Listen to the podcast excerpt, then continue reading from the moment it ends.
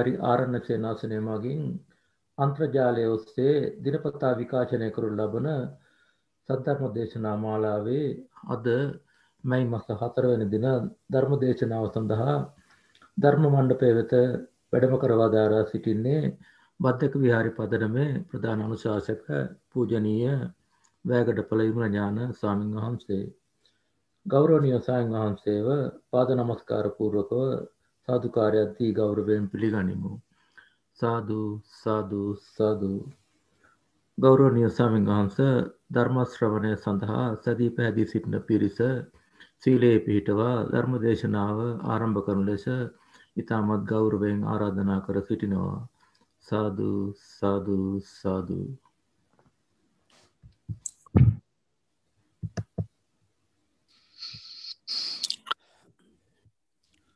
හොඳයි. සිලු දෙනාටම තෙරුවන් සරණයි. සිල් සමාදංවීම සඳහා කවුරුත් නමස්කාරය කියන්න.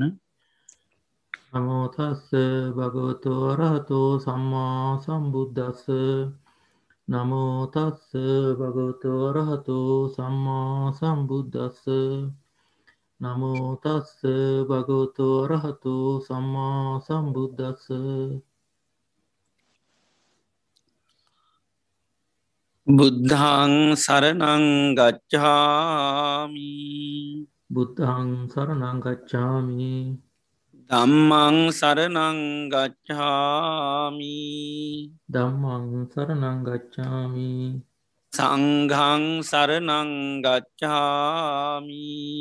සංඝං සරණං ගච්ඡාමි.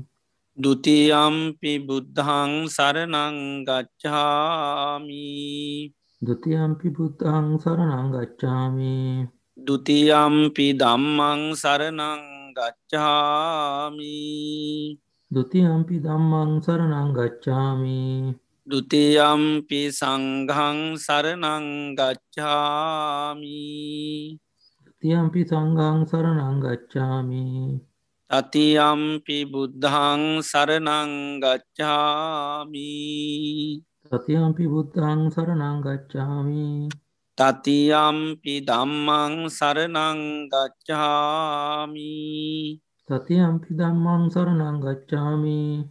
තතියම්පි සංඝං සරණං ගච්ඡාමි. සතියම්පි සංඝං සරණං ගච්ඡාමි. සරනාගමනං සම්පන්නං මාම පන්තේ පානාති පාතාවේරමනී සික්කාපදන් සමාධයාමි පානාතිපාතාවේරමණී සික්කාපදන් සමාධයාමි අදින්නාදානාවේරමනී සික්හාපදන් සමාධයාමි අදින්නාදානාවේරමණී සික්කාපදන් සමාධයාමි ආමී සුමිච්චාචාරාවේරමනී සික්හාපදන් සමාධයාමි කාමේ සුමිච්චාචාරාවේරමණී සික්කාපදන් සමාධයාමි මුසාවාදාවේරමනී සික්කාපදන් සමාධයාමි මුත්‍රාවාදාවේරමණී සික්කාපදන් සමාධයාමි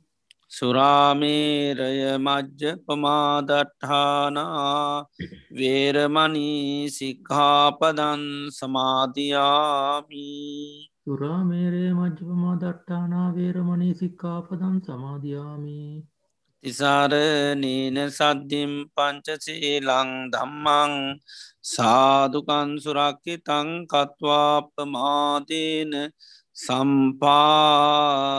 තම්බං ආම බන්තේ සාධ සාධ සාධ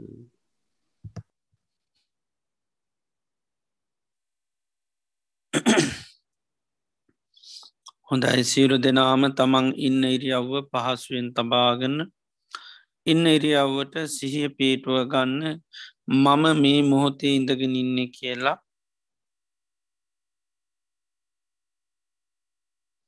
මේ මොහොතේ අපි සීරු දෙනාම මේ වාඩ වෙලා තැන්පත් වෙලා බලාපොරොත්තු වෙන්නේ භාග්‍යවත් බුදුරජාණන් වහන්සේගේ උතුන් අවවාදයක් අනුශාසනාවක් සවනය කරන්නටයි. බුදුරජාණන් වහන්සේම දේශනා කරලා තිබෙනවා මේ ලෝකයේ බුදුරජාණන් වහන්සේ නමක් පහළ වෙන්නේ ඉතාමත්ම කලාතුරකින්. ඒවගේ උන්වහන්සේගේ ධර්මය ලෝකෙ පවතින්නේ තිතාමත්ම කලාතුරකින්. එම ධර්මය නිවැරදිව දේශනා කරන අය පහළ වෙන්නේ තිතා කලාතුරකින්.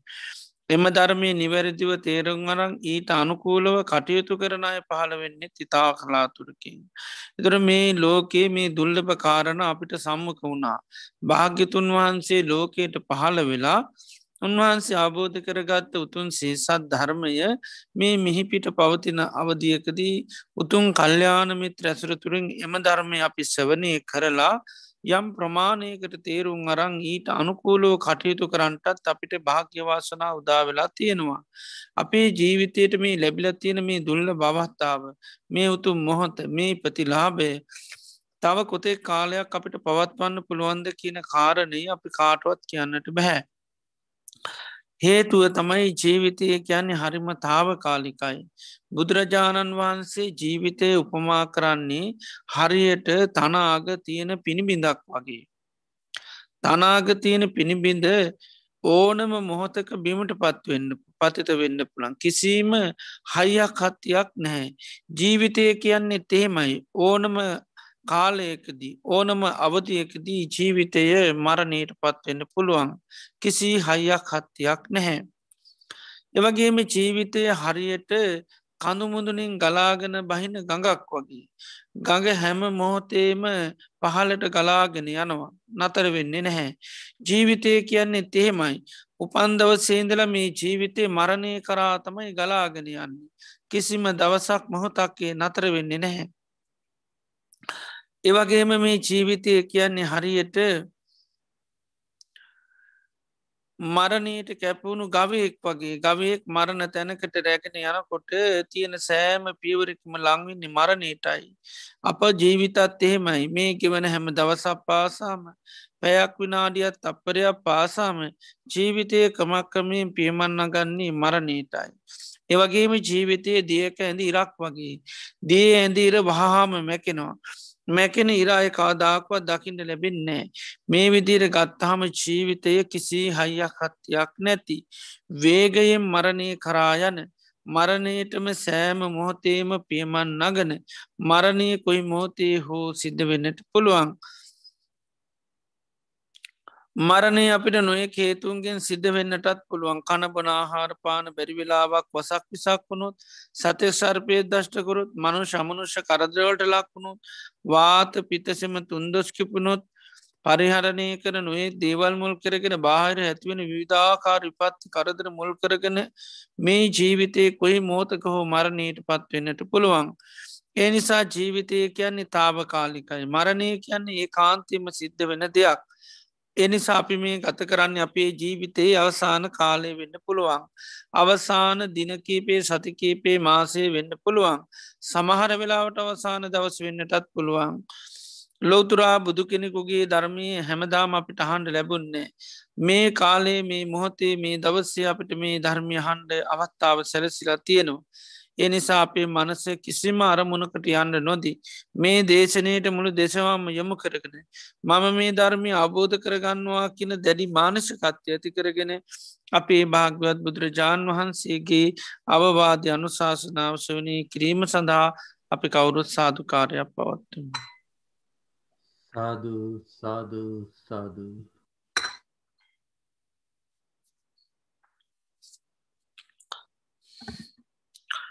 නමෝ තස්ස භගවතු වරහතු සම්මා සම්බුද්ධස්ස නමෝ තස්ස භගවතු වරාතු දම්මා සම්බුද්ධස්ස නමෝතස්ස භගවතු වරහතු සම්මා සම්බුද්ධස්ස දසුත්තරම් පවක්හාමි දම්මං නිපාන පත්තියා දුකසන්ත කිරියාය සබ්භගන්ත අපමෝච නන්ති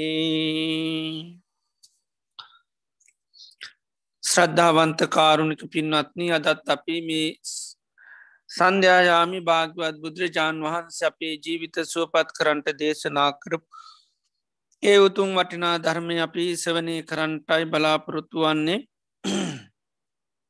භාග්‍යවත් බුදුරජාණන් වහන්සේ එතරා කාලයක චම්පා කියන නගරේ ගග්ගරා කියන පොකුණු ලගදී දේශනා වැඩ ඉන්නකොට සැරියුත් මහරහතන් වහන්සේ දේශනා කරපු දසුත්තරේ සූත්‍රයේ අපි අද දිනේදී ධර්ම දේශනාව සඳහා මාර්ථකා කරගන්න යෙදුනේ. මේ දිනවල අපි මේ දසුත්තර සූත්‍රය මුල් කරගෙන ධර්මශ්‍රවනය සිද්ධ කරන්නේ සාරිපුත්ත මහරහතන් වහන්සේ මේ දේශනය පටන් ගන්නකොටම දේශනා කරනවා. දසුත්තරම් පවක්කාමී දම්මා නිබ්හන පත්තියා දුක්කසන්ත කිරියාය සබ්බ ගන්ත පමෝචනං නිබ්භානය ශාශ්ාත් කරගන්න නැත නිර්වාණය පත්්‍යශ කරගන්න.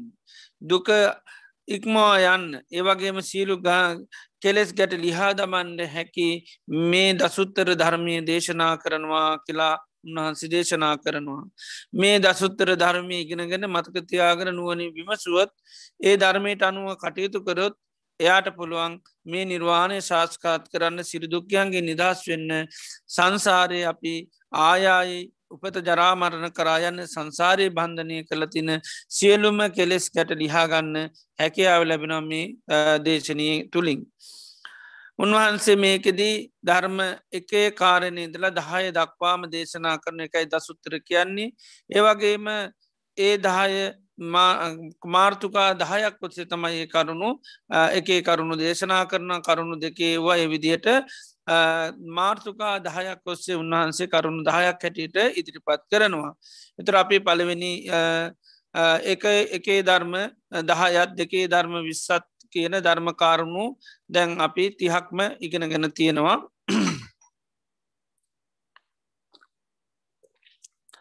එතොර මේකේදී මාර්තුකා දහයක් පෙන්නනවා. ඒකෝ දම්මු බහෝපකාරු එක ධර්මතාවයක් තින උපකාර වෙන එක ධර්මතාවයක් තින වඩන්න ඕන එක ධර්මතාවයක් තින පරිින්්ඥය කරන්න ඕන එක ධර්මයක් පහතබ කරන්න ඕන එක ධර්මයක් පිරීම පිණිසේතු වෙන එක ධර්මයක් විශේෂ භාගී වෙනවා. එක ධර්මයක් අවබෝධ කරන්න හරි අමාරුයි. එක ධර්මතාවයක් උපදව ගන්නුන. එක ධර්මතාවයක් අභිං්ඥය සච්චිකාතබ ගැන පත්‍යශ කර ගණ්ඩෝනි. එදොට මේ විදිර කරුණු දහයක් ඔස්සේ දේශනා කරනවා.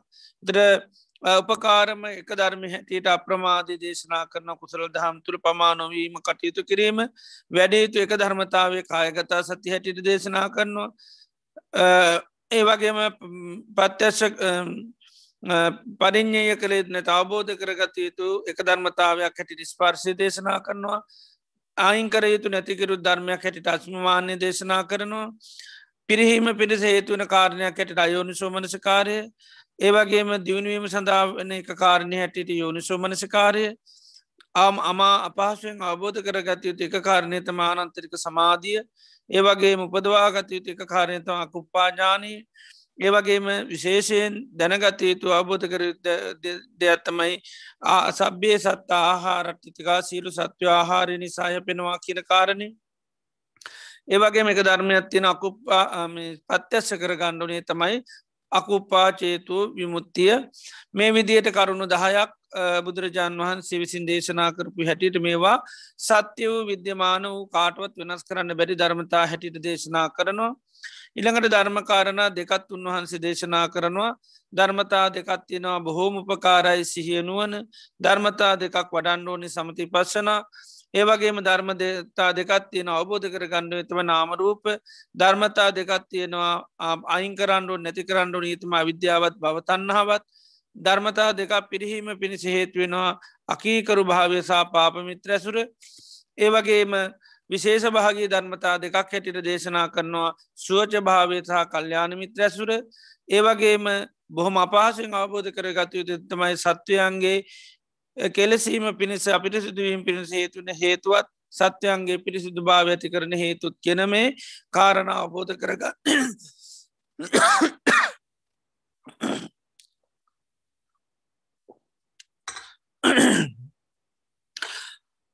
බොහම අපාසයෙන් අවබෝධ කරගතයුතු කාරණ හැටිට දේශනා කරනවා. උපදවාගතයුතු ඥාන දෙකක් පෙන්නවා කයේ ඥානී සානුපාදය ඥානී. ඒවගේම විශේෂ ඥූනින් අවබෝධ කරයුතු දෙයක්ත්තමයි සංකත දහතුව සහ සංකත ධාතුව.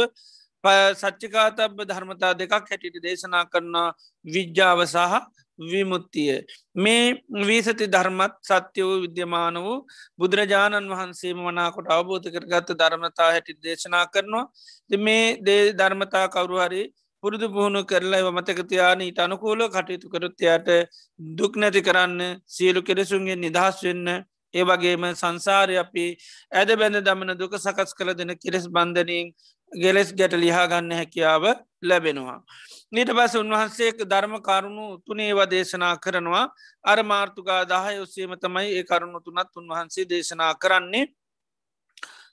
එක ධර්මතාවයක් තියෙනවා. ඒ උපකාර ධර්මතාව ධර්මතා තුනත් තියෙන උපකාර ධර්මතා තුනක් හැටියට තයෝ කතමේ තයෝ දම්මා බහූපකාරා ධර්මතා තුනත් තින උපකාරී වෙනවා.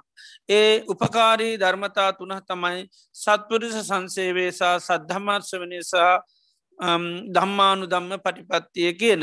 මෙන්න මේ ධර්මතා තුන උපකාර වෙනවාර නිර්වාණය සාත්සාත් කරගන්න සියලු කෙලෙස් ගැට ලිහාගන්න දුක නැති කරගන්න දුක නිදහස් වෙන්න මෙන්න මේ ධර්ම කාරණා තුන උපකාරක ධර්ම හැටියට දේශනා කරනවා.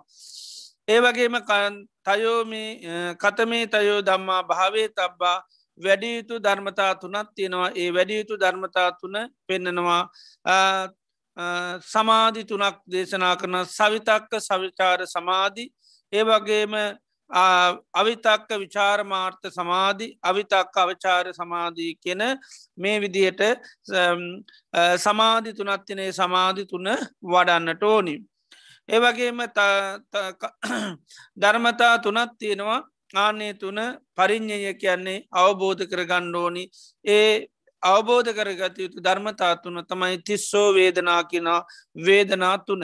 සුකාවේදනා සැපවේදනාව දුක්හා වේදනා දුක්වේදනාව අදුක්කම සුක වේදනා සැප දෙක මිශ්‍ර වේදනාව. මෙන්න මේ ධර්මතා තුන පරිින්්ඥයා කැන මේ අවබෝධ කරගන්න ටෝනි.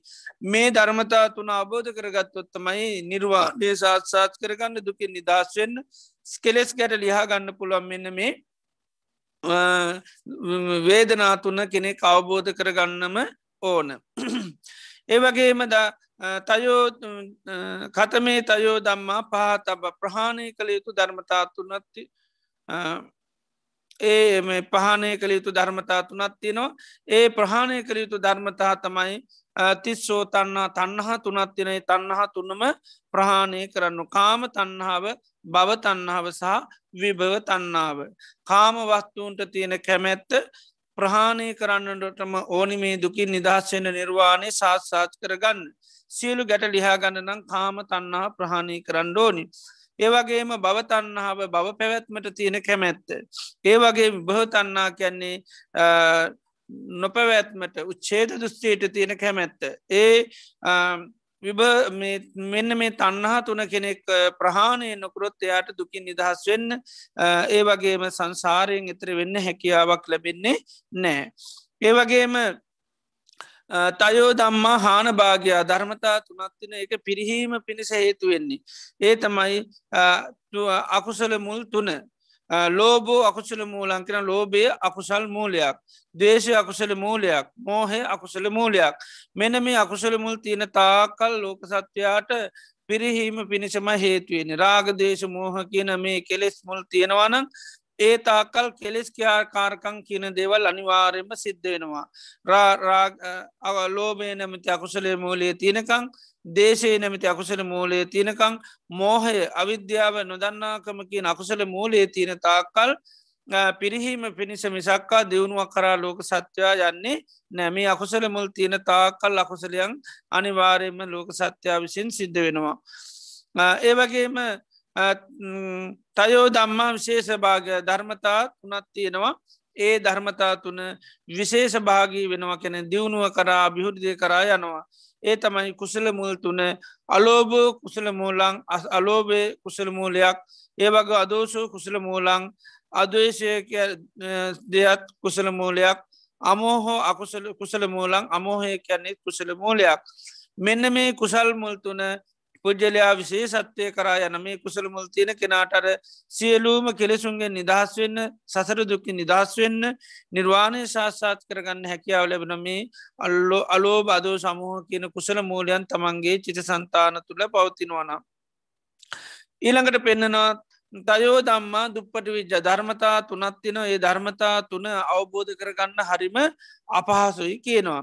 ඒ තමයි නිස්සරණ ධාතු තුන නිස්සරණ කැන නිදහස්වීම ධාතු කැන ස්වභාවේ. නිදහස්වීමේ ස්වභාවයන් තුනත්තිනය තුන අවබෝධ කරගන්න හරි අමාරුයි කියනවා. කාමාන මේතන් නිස්සරණ යදිදන් නෙක්කම්මම්. මේ කාමය කියනකෙන් නිදහස් වෙන්න නං අයින් වෙන්න නම් නිකම්මය කියන තත්වයට පත්වෙන්නට ඕනි. ඒ කාමෙන් නිදහස් වනොත් නිදහස්වීමක් ලැබෙනවා කියලා පුද්ගලයාට තේරුම් ගන්න හරි අමාරුයි. කාමය තුළ තමයි ලෝකය හිතන්න සැපතියනවා කියලා. නෙක්කම් මේ අතහැරීම තුළ සැපතියනවා කියලා ලෝකයට අවබෝධ කරගන්න හරි අමාරු කාරණයක්. ඒ නිසාමතමයි මුළු ලෝකයම කාමයට ලෝකයා ඇබැහිවෙල කාමය තුළම ජීවත් වෙන්නේ. කාමය ඇතහැරුවත් මනුෂ්‍ය හිතන් නෑ තමන්ගේ ජීවිතයට විශාල සතුරා සුම්නසක් කරතින තන් මේ දුකින් නිදහස් වෙන්න පුළුවන් කළයා දකින්න නෑ එනිසා මේ කරුණත් අපහසුයි කෙනෙකුට අවබෝධ කරගන්න. රූපානමීතන් නිස්සරණ යදිදං ආරූප රූපයෙන් නිදහස් වෙන්න නම් අරූපය දියුණු කරන්න ඕනි එදර රූපය නිදහස් වෙන්න පුළුවන්. ඒ වගේම යංකෝපන කිංචි භූතන් සංකතම් පටිච සමුපන්නා. මේ ලෝකේ යම් සකස්වෙච්චි දේවල් ඇද්ද. ඒ වගේම විද්‍යමාන දේවල් ඇද්ද. ඒවගේ පරිශම්පන්න ධර්ම ඇද්ද. ඒ ආනේ වට නිරෝධෝ තස නිස්සරනං ආනේකෙන් නිදහස්වීම තමයි නිරෝධය කියල කියන්නේ. සකස් වෙච්චි දේවල් වලින් නිදහස් වෙන්න නිරෝධයට පත්වෙන්ඩ ඕනි.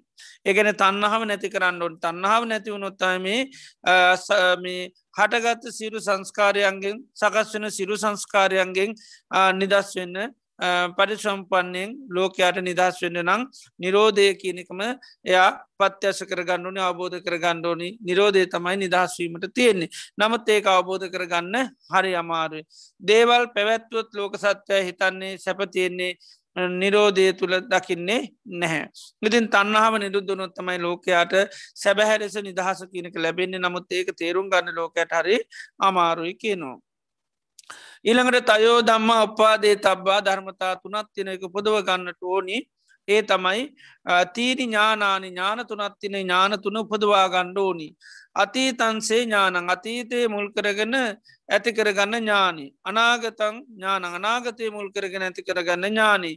පච්චුපන්නන් ඥානං වර්තමානය පිළිබඳව ඇති කරගන්න ඥානී. ඉමේ තයෝ දම්මා උපාදිද මේ ධර්මතා තුන උපදවා ගණ්ඩෝනි කියෙන මේ ඥාන තුන උපදවා ගණ්ඩුන්. අතීතය පිළිබඳව අපි ඥානයක් නුවනක් ඇද මොකද නැත්තං අතීතය පිළිබඳව තියන්නේ බොහොම විචකිච්චා තියෙන සැක සංකා තියෙන්නේ. නැත්තං අතීතය පිළිබඳව බොහෝ අහිතන්නේ අතීතයක් කියලා සකස්වර තිබුන් නැහැ නැත්තං අතීත ජීවිත පිළි පිළිගන්නේ නැහැ ඉතින් ඒ වගේම අනාගතය පිළිබඳව නොයෙක් මති මතාන්තර තියන අනාගතයේ සම්බන්ධ කරගෙන වර්තමාන ජීවිතය සම්බන්ධුවත් එහෙමයි. එනම් මේ අතීතය පිළිබඳවත් අපි අවබෝධ කරගණ්ඩෝනි අනාගතය අවබෝධ ගන්න වර්තමානය අතීතය කැනෙ නිරුද්ධ වෙලා ගිය දෙයක්. ඒ ඒ පිළිබඳව අපිට අවබෝධයක් තියන්නත් ඕනිව වර් අනාගතය කැන තාම් පැමිල්ලනෑ වර්තමානය කැනීමේ මොහොත සකස්වීම. එතර මේ පිළිබඳව අපිට අවබෝධයක් ඥානයක් තියෙන් ඕනි. ඒවගේම අතීතයේ ගත්තත් අපි ජරාමරණාදී යන්තා දුක්හටගත්තන ජාතිපච්චයා ජරාමරණන්ති ඥානං අතීතයේ අපි යම්කි සිතාක් ජරාමරණද ඒ උපදිච්චි නිසාන්නේ පිළිබඳුව ඇතිකරගන්න ඥානයටත් අතීතය ඥානයක් හැටියට දේශනා කරනවා. පටිච සංපාදේ අතී තම්පි අද්දානන් ජාතිපච්චා ජරාමරණන්ති ඥානං. අතීතයේ ජාතිය මුල් කරගෙන තමයි ජරාමරණට ගත්තේ කියලා අන සාාවකයා ඥාන උපද ගන්නුන්. අනාගතම්පි අද්දානං අනාගතයත් ජාතිපච්චා ජරාමරණං. මේ වර්තමානයේ ජාතිපච්චයා ජරාමරණං. ආනේ කරුණු පිළිබඳව යම් අවබෝධයක් ඇති කරගත්තොත් ඒවා ඒකරගෙන අතීතන්සේ ඥානේ අනාගතයේ ඥානය සහ පච්චුපන්න ඥාන හැටියට. මේවා උපදවාගත යුතු කරුණු හැටිට දේශනා කර මේවා උපදෝගත්තුත් තමයි එයාට සංසාරයෙන් එතර වෙන්න පුළුවන් සිරි දුක්කයන්ගේ නිදහස් වෙන්න කියලු කෙලෙස් ගැට ලිහාගන්න පුළුවන් මේ ඥාන තුන උපදවා ගත්තුත්. ඊළඟට දේශනා කරනවා තයෝ දම්මා අභිඤ්ඥයා ධර්මතා තුනත් තියෙනවා. ඒක විශේෂ ඥානයකින් අවබෝධ කර ගණ්ඩෝනි තිස්සෝ ධාතුව ධාතු තුනත් තියෙනවා. කාමධාතු රූපධාතු අරූපධාතු කාමය නැමති ස්වභාවය රූපේ නැමති ස්වභාවස අරූප නැමති ස්වභාවේ මෙන්න මේ ධාතු ස්වභාවය අපි අවබෝධ කර ගන්නඩ කාමධාතුව කියන්නේ මකක්ද රූපධාතුව කියන්නේ මකක්ද අරූපධාතුව කියන්නේ මකක්ද කියලා.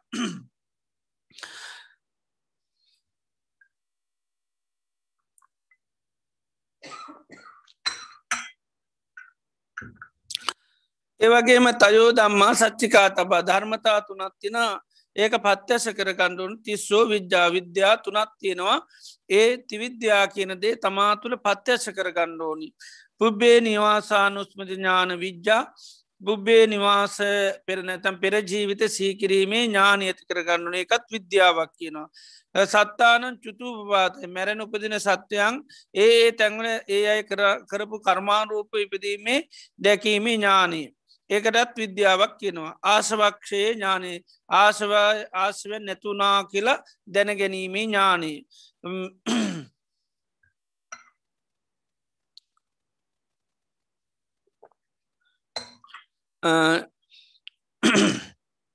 මේ විදියට මෙන්න මේ ඥාන තුන්න සච්චිකා තබ්බා කියෙන පත්‍යස්ස කරගන්නට ඕන.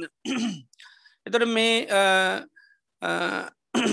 ඉති මේ තින්සති දම්ම මේ මෙතන ධර්මතා තිහක් දේශනා කරනවා මේ ධර්මතා තියෙන භූතා කැන මේවා සත් විද්‍යමාන දේවල් තච්චා කැන මේවා සත්‍යයයි. තතා කියන්න මේවා එසේමයි කැන මේවා කාටවත් වෙනස් කරන්න නැති කරන්න පුළුවන් ඒවා නවි අවි තතා කැනේ වෙනස් වෙන්නෙත් නෑ. ඒ වගේ මනඥතා කැන්නේ වෙනත් තත්වයකර පත් කරන්න බැමි කරුණු මාරු කරන්න වෙනස් කරන්න වෙනත් කරුණු ඉදිරිපත් කරන්න බෑ සම්මා තතාගතයන අභි සම්බුද්ධා මේවා භාග්‍යතුන් වහන්සේ විසින් මනා කොට අවබෝධ කරගත්ත ධර්මතා තිහක් හැටියට දේශනා කරනවා.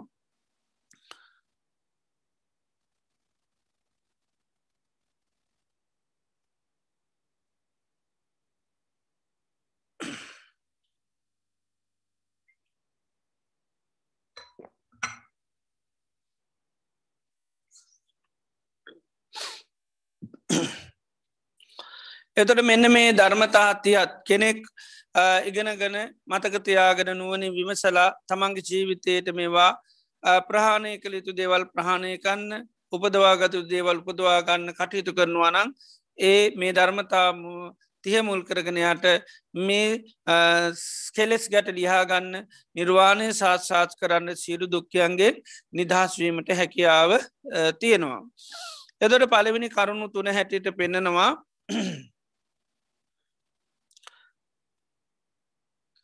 කතමේ තයෝ දම්මා බහු උපකාරා උපකාරකම ධර්මතා තුන මනවද කියලා හනවා. එතොට සත්පුරුෂ සංසේවෝ සත්පුරුෂ ඇසුර ඒවගේම සද්ධම්ම සවනං සද්ධර්මශ්‍රමනයසා දම්හානු දම්ම පටිපත්ති ධර්මානු දම්ම ප්‍රතිපදාව මෙන්න මේ කරුණු තුන බහූපකාරාකෙන බොහොම උපකාරයි කියනවා. එතට මෙන්න මේ ධර්මතාතුන උපකර කරගෙන තමයි අපිට නිර්වාණය කියනක සාත්සාත් කරගන්න හැකියාව ලැබෙන්නේ.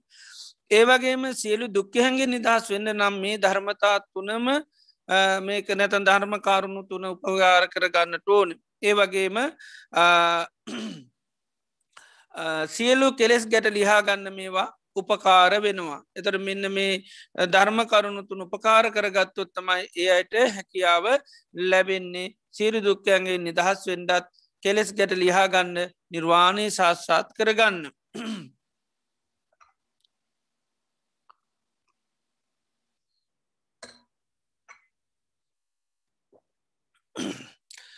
එතොට මේ නිවන් අවබෝධ කරගන්න චතුරාල් සත්‍යය අවබෝධයට පකාරකම ධර්මයක් තමයි සත්පුරුෂ සංසේවනය දැන් අපි කෙන සම්මාධිට්ටිය දැන් සම්මාධිට්්‍යය කැනෙ දුක්කේ ඥානන් දුක පිළිබඳව අවබෝධය දුක සමුදේ ඥානං දුක හටගැනීමේ පිළිබඳව ඥානයි.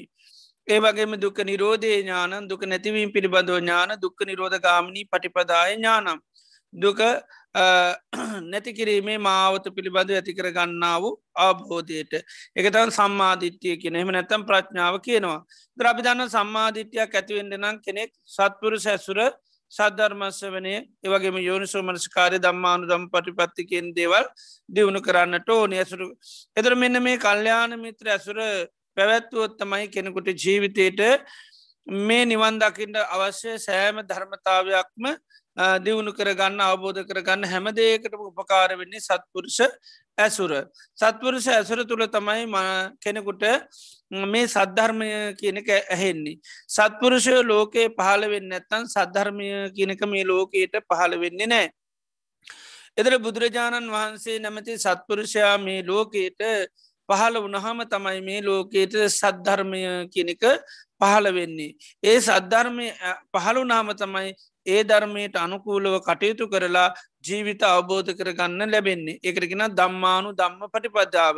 බුදුරජාණන් වහන්සේ දේශනා කරපු ඒ ධර්මානු දම්ම ප්‍රතිපදාව නැතන් නිවම් මග කියන එක ඊට අනුකූලවම පුරුදු කරන්න ඕනි ආන්නේ පුරුදු කරන කෙනා තමයි තෝට මේ දුකින් නිදහස් වෙන්නේ නිර්වාණය සාත්සාත් කරගන්නේ කෙලෙස් ගැට ලිහා ගන්නේ.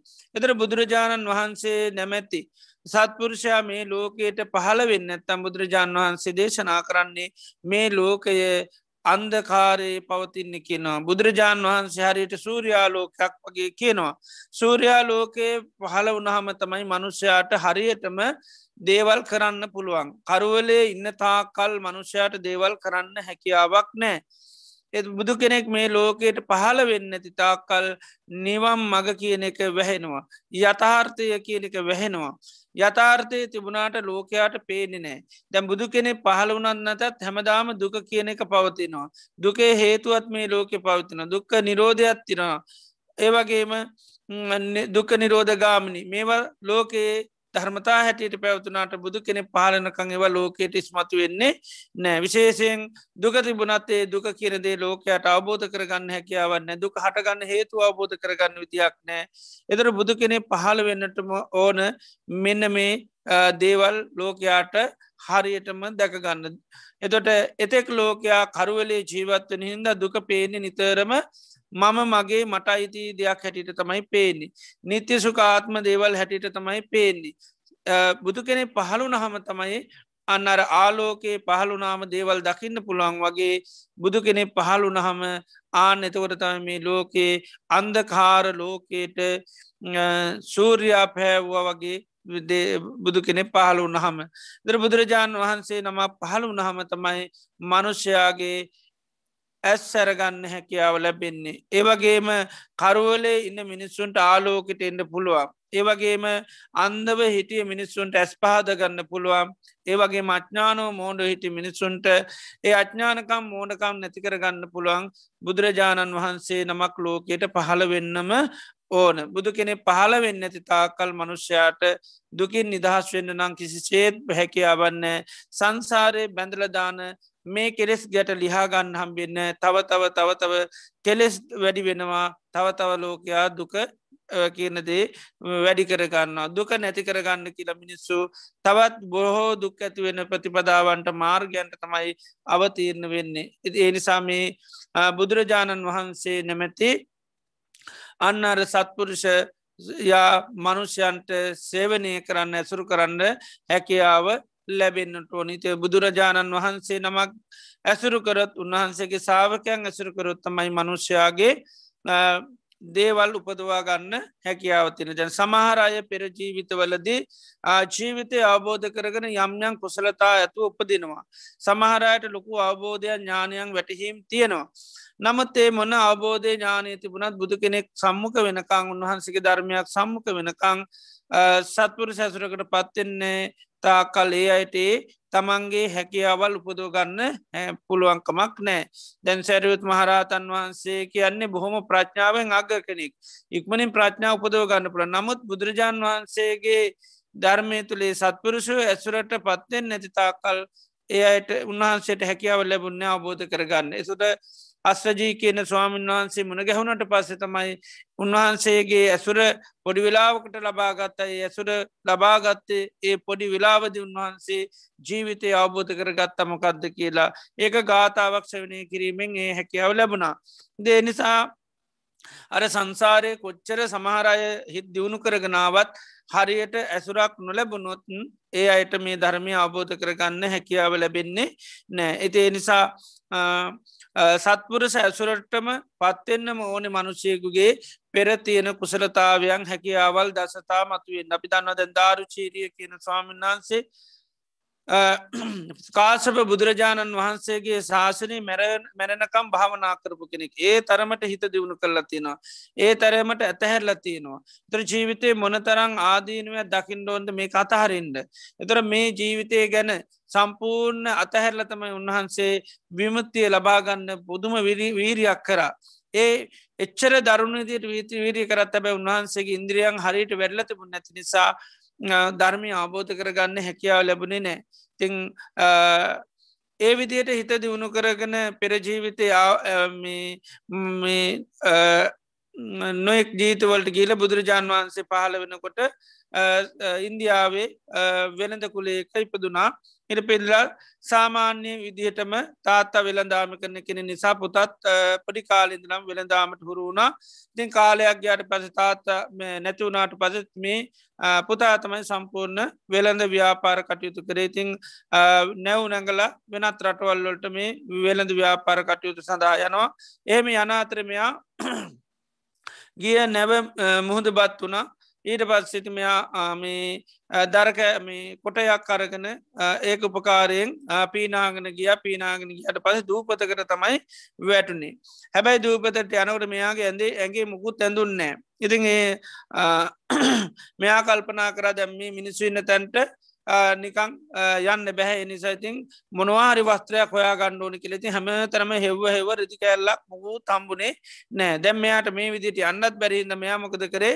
තියෙනව කෝට් ගෑලියාර මේ පොඩිපොඩි දේවල් එකතු කරගෙන පොඩි වස්ත්‍රයක් හදාගෙන ඒ ඇඳගෙන තමයි ගමටගේ ඉතින් මේ දූපත ඉන්න මිනිස්සුන්න හරියට යනකොට මිනිස්සු මේ කෙනා දකිනකොට ඔක්කෝම පැහැදීමක් ඇතුවුණා ඇඳමුත් අදින් නැතුම දරකෑල්ටිකක් ඇඳගෙන ඉන්න මෙයා උග්‍ර තපස් කෙනෙක් එන්න ඇති රහත් කෙනෙක්ෙන් ඇති කියලා මිනිසු බෝම ගෞරුවෙන් ගයාට පස්සෙ පිළි අරගෙන හැමෝම කතා කරේ රහතන් වහන්සේ කියලා. ඉතිං මෙයා ඒ වෙලා අසරන වෙච්චි කෙනෙක් නිසායිති මිනිස්සුන්ට පහදල දෙන්න කියන පැහදල දෙන්න ගැන සමාට මිනිස්සුන්ගේ ගුටිකන්නත් සිද්ධ වෙනවා.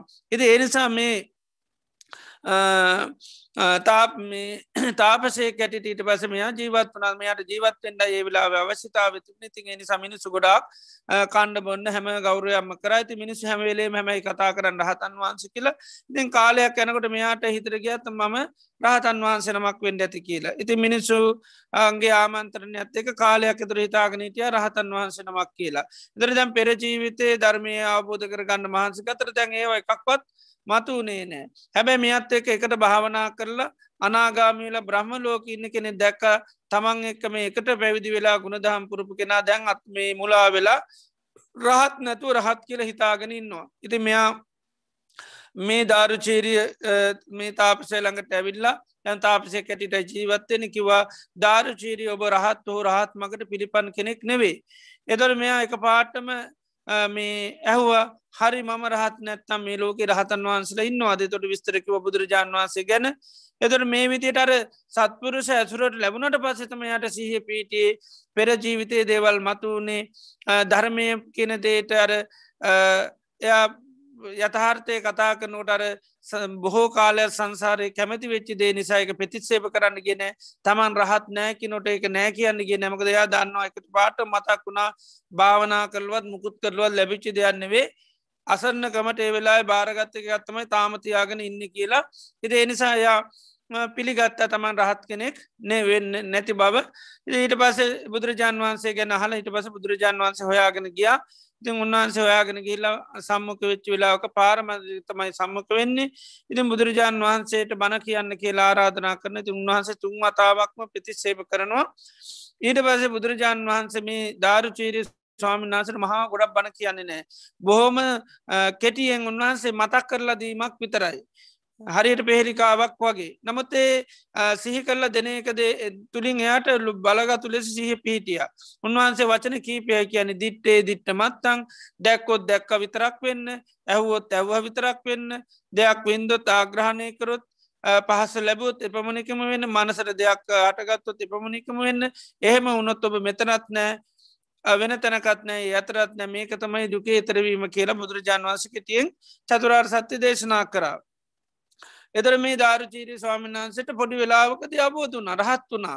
එතර බුද්ධ ශාසන ඉතාමත්ම ඉක්මනින් අවබෝධ කරගත්තගෙන තමයි ධාරුචීරී කියලන්න කියන්නේ.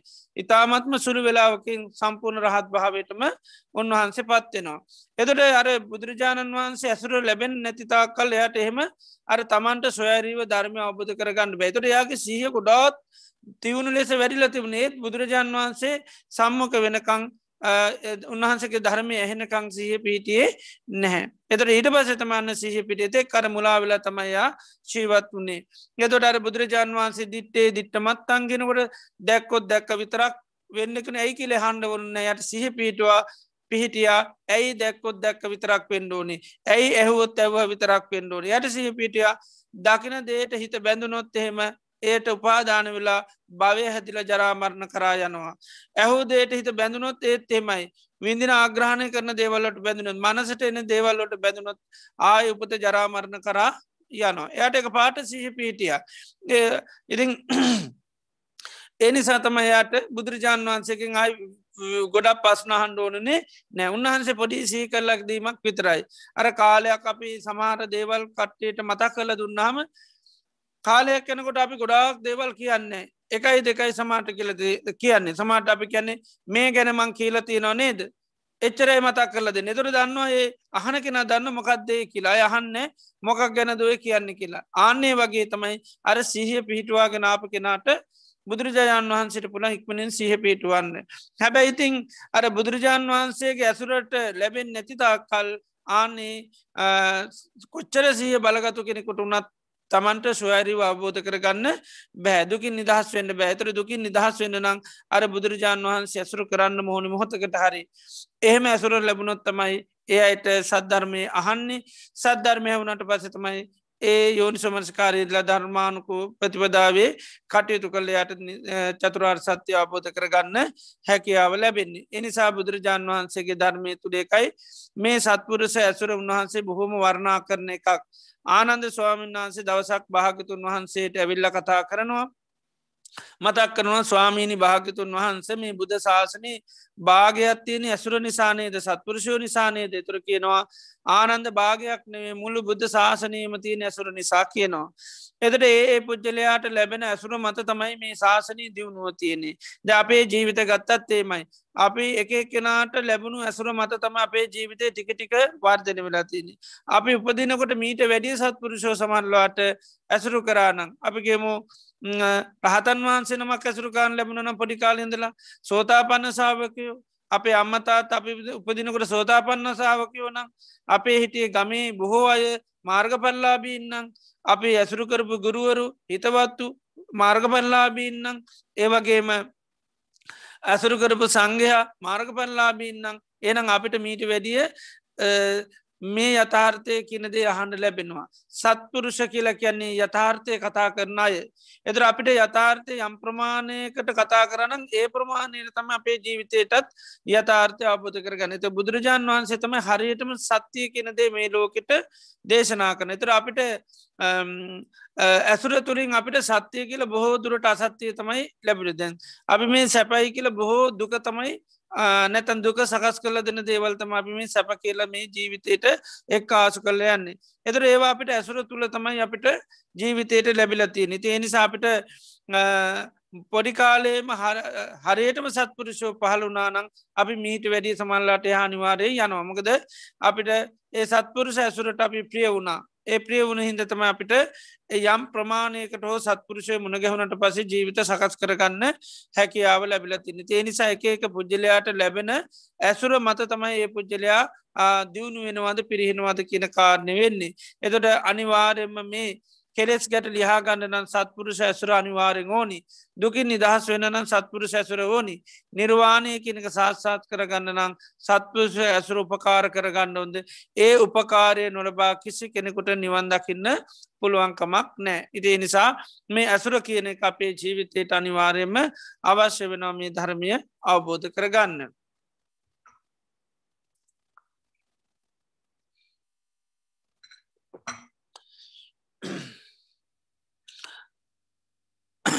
මේ පිළිබඳව මේ අනිකුත් කාරණා පිළිබඳ අපේ වෙනත් දවසක සවනය කරමු. ඉතින් අද දිනීදිත් අපේ භාගිවත් බුදුරජාණන් වහන්සේ අපේ ජීවිත සුවපත් කරන්ට දේශනා කරපු ඒ උතුම් වටිනා ධර්මය අපිට සවනය කරන්ට භාගිවාසනාව අද දිනීදිත් උදාපත් වනා ඒවගේම මේ ධර්මශ්‍රවනය කිරීම තුළින් අපිට බුදුරජාණන් වහන්සේ කිරේ මහා සද්ධාවක් ඇතිවෙනවා ඒවගේම මේ දේශනාවන් අහන්ඩ හන්ඩ ධර්මය කරේ මහා ශ්‍රද්ධාවක් ඇති වෙනවා. සංඝහා කරේ සද්ධාවක් ඇති වෙනවා. සම්මා සම්බුද්ධෝ භගවා ඒකාන්තේම බුදුරජාණන් වහන්සේ සම්මා සම්බුද්ධයි. ධර්මය ස්වාකාතයි සංඝයා සුපටි පන්නයි මේ විදියට තිවිධ රත්නය කිරීම අපිට මහා ශද්ධාවක් ගෞරුය පත්තියක් ඇතිවෙනවා මේ දේශනාවන් සවනය කිරීම තුළ. තිං මේ මොහොතේ අපි තිවිධ රත්නය කිරේ මහා ප්‍රසාද සිත් පහලවීමෙන් අපේ සිත සන්තාන තුලා ප්‍රමාණ පුුණ සත්‍යයක් වර්ධනය වෙනවා. සද්ධර්මශ්‍රවනය කිරීමෙන් දේශනා කිරීමෙන් අපේ චිත සන්තාන තුලා ප්‍රමාණ පුුණ ශත්‍යයක් අත්පත් වෙනවා. ති මේ රැස් කරගත්තා උදාර්තරපුුණ ධර්මයන් අතීත සංසාරයේ පට මේ ජීවිතය දක්වා අපි නම මේ පරලෝගේ අන්තාඥාති මිත්‍ර හිතයිශයෙන් ඇත්තන්ගේ සිලු දෙනාසේ පත් කල් අපි මේ පින අනුමෝදන් කරමු සිලු ඥාති මේ පින දැක අනුමෝදන් වෙලා ඒ අයිගේ ජීවිත සුවපත් කරගන්න සසර ගමන සුවපත් කරගෙන නිර්වාණය අවබෝධ කරගන්න මේ පිනුපකාර වේවා කිලපි පුුණ්‍යන් මෝදනා සිද්ධ කරමු. ඒවගේ මේ රැස් කරගත්තා උදාරතර පුුණි ධර්මය සිලූම දෙවි දේවතාවන්ට අන්මෝදන් කරම. සිරු දෙවියෝ මේ පින දැකන් මෝදංගලා අයගේ ජීවිත සුවපත්වේවා ඒවගේ මේ රැස් කරගත්තා උදාහරතර පුුණ්‍ය ධර්මය හේතුවෙන් බලයෙන් බුදු පසේබුදු මහරතුන් වහන්සේලා ගැනන්තු ගුණානු භා බලෙන් කල්්‍යයාන මිත්‍රයන් වහන්සේලාගේ ආසිර්වාද බලයෙන් හැම දෙනාටම සෙතක් වේවා සාන්තියක් යහපතක් වේවා නිදුක් නිරෝගි සුවපත් භාවේ ලැබේවා රජුන්ගෙන් සරුන්ගෙන් ගින්නෙන් ජලය වස විසාධයකින් කිස්මන්තරාවක් නොමේවා කායික මානසික සුවසානී ලැබේවා සම්බුද්ධ ශාසනය මුල් කරගෙන දානාදී පින්කන් සීලාදී ගුණ ධර්ම සමති පසනා භාවනාවන් දියුණු කරගන්න සත්‍යය ධෛරයේ වාසනාව චිරජීවනය දීර්ඝාශ ලැබේවා කලප්‍යාශිර්වාද කරනවා. සියලු දෙවියන් ඥාතින් සීපත් කල්ල පින් අනුමෝදං කරමු. ඉදංවෝ ඥාතිනං හෝතු සුගිතා හොන්තු ඥාතයෝ ඉදංවෝ ඥාතිනං හෝතු සුගිතා හොන්තු ඥාතයෝ ඉදංවෝ ඥාතිනං හෝතු සුගිතා හොන්තු ඥාතයෝ ඉත්තාවතා චම්මේහි සම්බදම් පුුණ්්‍ය සම්පදං සබ්බේ දේවානුමෝදන්තු සබ සම්පත්ති සිද්ධිය ඇත්තාවතා චම්මේහි සබදම් පුුණ්්‍ය සම්පදං සබ්බේ භූතානුමෝ දන්තු සබ සම්පත්ති සිද්ධ්‍යතාවතා චම්මේහි සබදම් පුුණ්්‍ය සම්පදං සබ්බේ සත්තානුමෝ දන්තු සබ සම්පත්ති සිද්ධියා ඉමිනා පුං්ඥකම්මේන මාමේ භාල සමාගමෝ සතන් සමාගමෝ හෝතු යාවනි බානපත්තියයි දම්මී පුං්ඥ කම්මං ආසවක්කයා වහං හෝතු සබදුක්හා පමුංචතු සාධ සාධ සාධ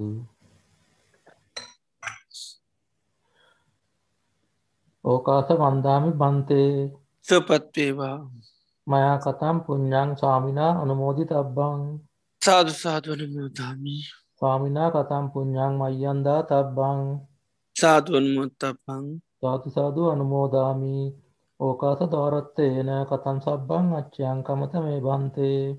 කමාමකම තම්බං ඕකාස කමාමි පන්තේ දුතියම්පි ඕකාස කමාමි බන්තේ. තතියම්පි ඕකාස කමාමි බන්තේ සීලවන්තන් ගුණවන්තම් පුුණ්ඥක් එත්තං අනුත්තරං දුල්ලබේන මයාලද්දං වන්තුම් පසි තුන්වරං සාරිපුත්තාදි තේරානං ආගතම් පටිපාටියා සද්ධාසීල දෑවාසං බුද්ධ පුත්තං නමා මහං සාධූ සාධූ සාධූ බද්ධක විහාර ආරණ සේනාසනය මගින් අන්ත්‍රජාලය ඔස්සේ විකාශනය කරුරු ලබන තත්ධර්ම දේශනා මාලාවේ අදදින ධර්ම දේශනා පැත්වූ අපගේ ගරුවනු ශාසක වැෑගොඩ පොළයිම ඥාන ගෞරුවනය සයන් වහන්සේට චිරත් කාලයක් බොහෝ දෙනාගේ ධර්මාබෝධය ලබාදීම පිරිසත් ශාසනය කටයුතු සාර්ථක ඉදිරියට ගෙනයාමටත් අවශ්‍ය දික් නෝරගී සුවය ප්‍රාථනාග කරන අතරම පතන්න අවබෝධයකින් ධර්ම අවබෝධය ලැබීම පිණිස අප සියලු දෙනා රැස් කරගත් සියලුම කුසලාන සංසයන්ද හේතු වේවායි සාදු කියා ප්‍රාර්ථනා කරමු. සාදු සාදු සාදු ධර්ම ශ්‍රවණය කළ ඔබ සැමට සම්මා සම්බුදු සරණයි.